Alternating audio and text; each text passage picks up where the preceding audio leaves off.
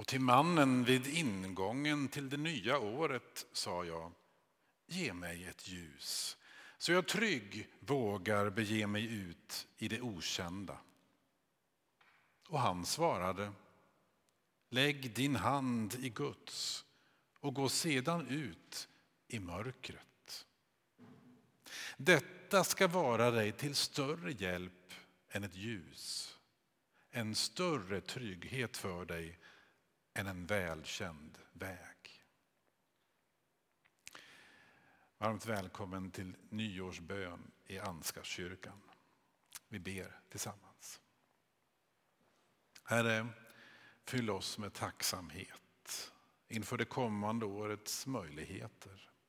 Ge oss visdom, mod och klarsyn när vi ställs inför förvirring, förtvivlan och rädsla. Herre, hjälp oss att se hur vi, var och en av oss, utifrån våra förutsättningar och gåvor kan bidra till fred, till sanning och kärlek.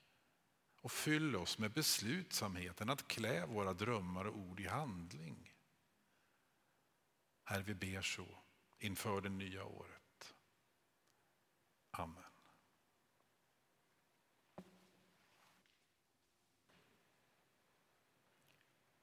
Lev inte för pengar. Nöj er med vad ni har. Gud själv har sagt, jag ska aldrig svika dig, aldrig överge dig. Och därför kan vi tryggt säga, Herren är min hjälpare. Jag ska aldrig frukta. Vad kan en människa göra mig?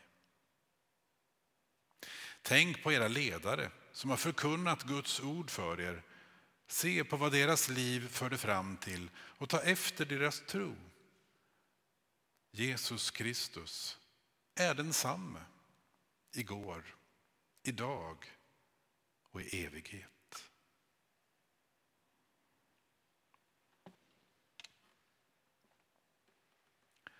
Herrens nåd tar inte slut. Hans barmhärtighet upphör aldrig. Varje morgon är den ny.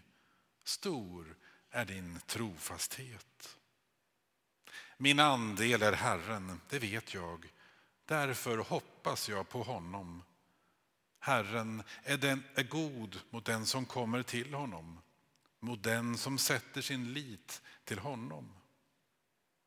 Det är gott att hoppas i stillhet på hjälp från Herren.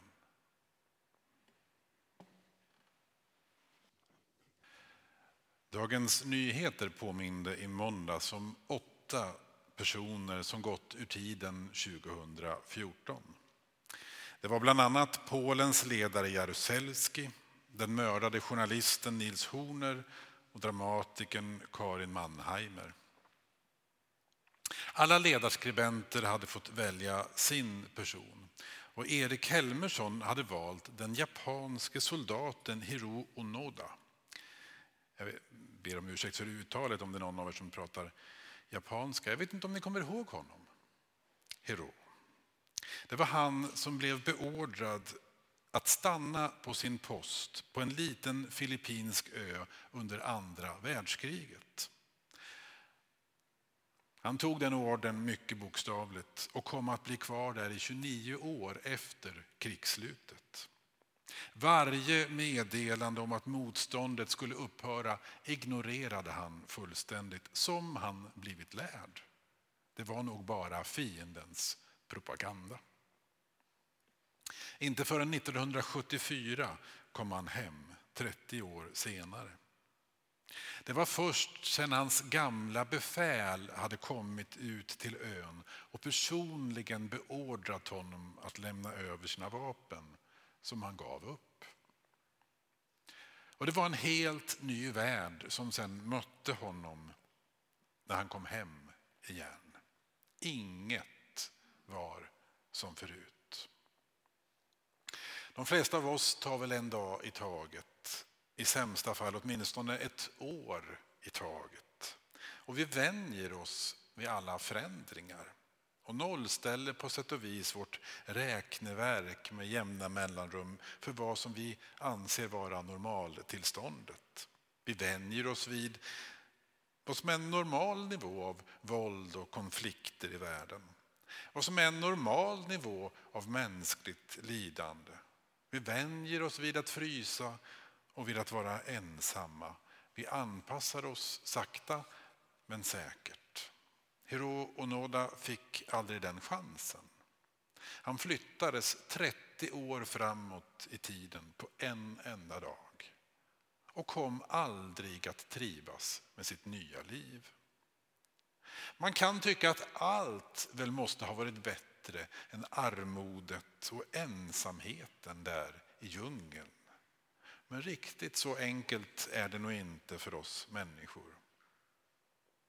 Under 2014 fick Onoda äntligen frid och han dog 92 år gammal.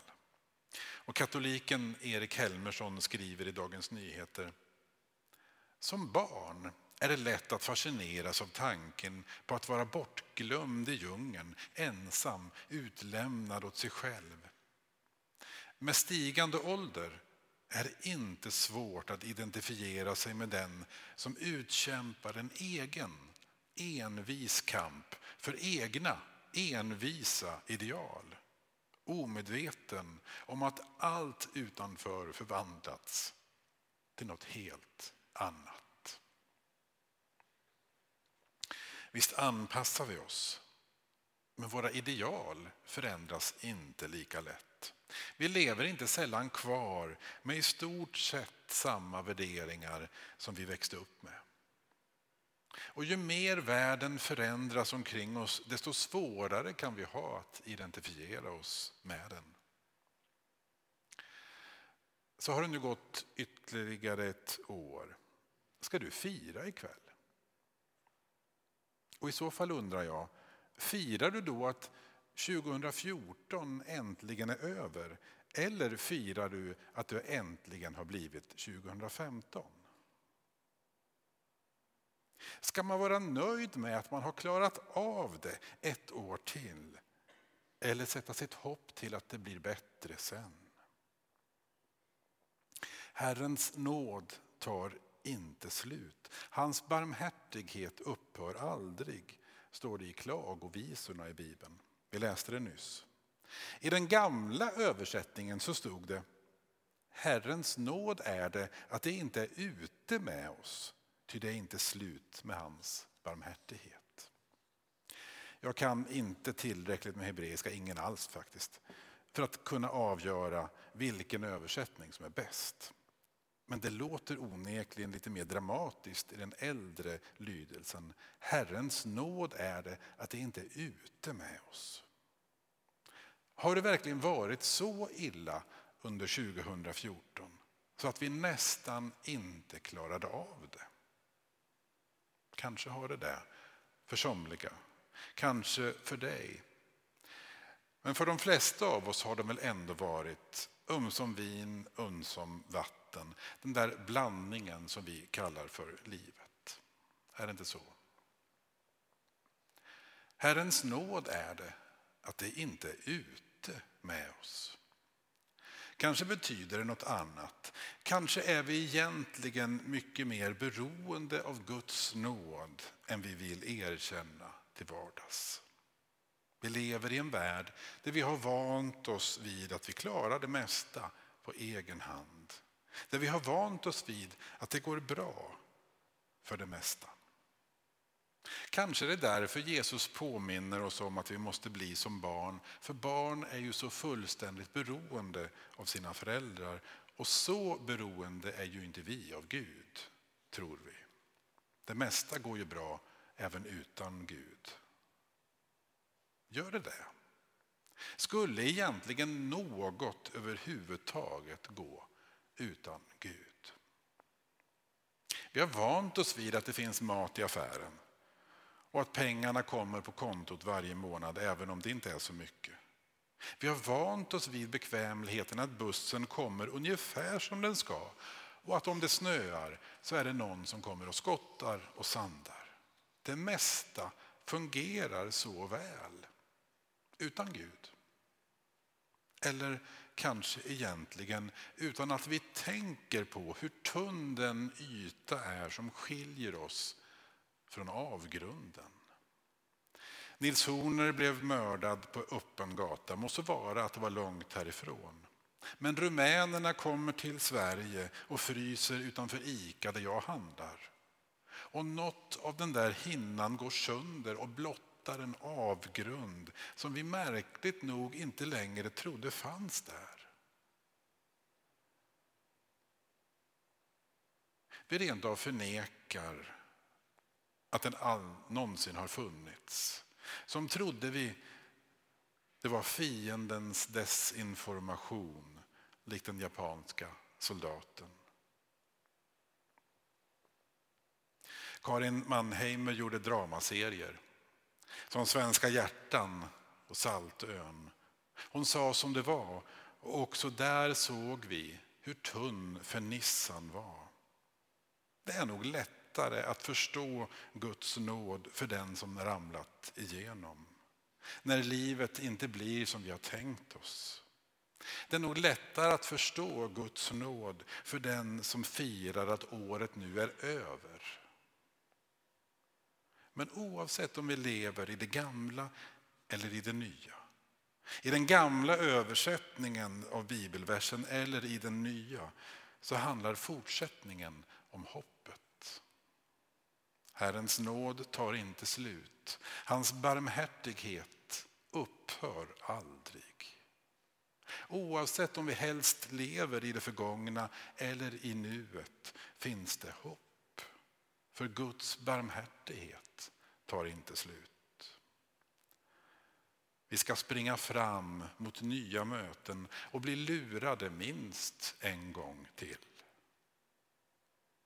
Men tilliten som Kristus vunnit åt oss är större än all makt och ondska vill. Vi får leva av Guds nåd oavsett om vi förstår det eller inte. Vi får tacka för Guds omsorg under året som gick och be om Guds barmhärtighet för året som kommer. Vi ska göra det strax, men först ska vi sjunga tillsammans. Herre, till dig får jag komma. Så tryggt att få tro att bönernas bro ska bära mig hela vägen hem. Men bäst är ändå att jag vet det är så. Under allt är jag älskad av dig. När vi sjunger salmen tar vi också upp vår kollekt till församlingens verksamhet. Vi ska be tillsammans och när vi gör det så kommer vi att eh, vara i tystnad tillsammans under ett par tillfällen i början av vår bön. Så kommer vi att växelläsa vår bön och du kan se på väggen och läsa med. Och sen i slutet av det bönetillfället så kommer vi att ge tillfälle för var och en att säga högt, nämna ett namn eller någon, eh, någonting som du vill att vi tillsammans lyfter upp i bön. Och vi gör på det där sättet att du bara nämner det högt. Inga meningar utan bara ett ord eller, eller ett par. Och om någon annan skulle råka säga någonting samtidigt så gör det ingenting. Gud hör. Vi ber tillsammans.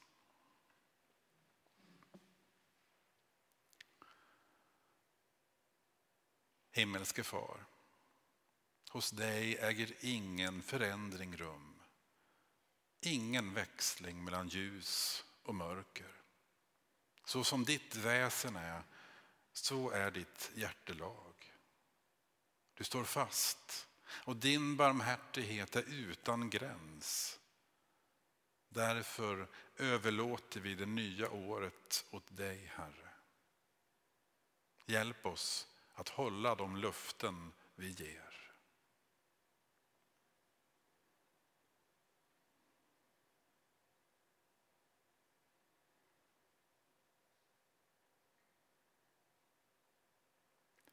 Herre, I dina händer lägger vi arbetet som förestår. Glädjen som du ger och de prövningar som väntar oss. Låt oss varje dag få föra oss närmre dig. Tack att vare sig vi lever eller dör tillhör vi dig.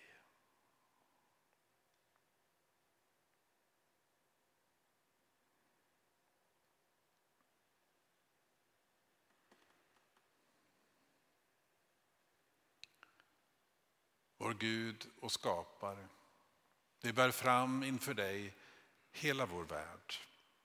Alla länder och folk, fattiga och rika. Vi ber dig för våra barn och efterkommande, för alla som ska födas efter oss. Att vi inte ger dem stenar istället för bröd. Att vi inte lämnar till dem krig utan frihet, fred och lycka. Vi ber för dem som nu lever, för dem som bor tillsammans med oss i Västerås, för våra familjer, grannar och vänner. Vi försöker också att be Gud för dem vi undviker, för dem vi har svårt att förstå, för dem som vi inte kan älska. Men framför allt tackar vi dig för dem som vi älskar och som gör världen meningsfull för oss. För dem som står oss närmast, så nära som vår egen kropp och för alla som är oss givna.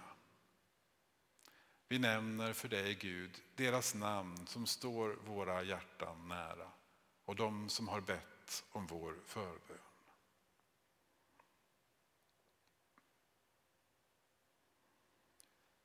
Vi ber dig för oss själva. Välsigna oss dag för dag. Gör oss nya när vi blir gamla. Öppna oss igen när vi sluter oss för dig och för vår medmänniska. Tillsammans med alla kristna i alla tider ber vi. Vår Fader, du som är i himlen. Låt ditt namn bli helgat.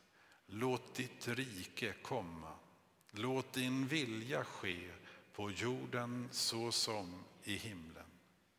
Ge oss idag det bröd vi behöver och förlåt oss våra skulder liksom vi har förlåtit dem som står i skuld till oss. Och utsätt oss inte för prövning utan rädda oss från det onda. Ditt är riket, din är makten och äran i evighet. Amen.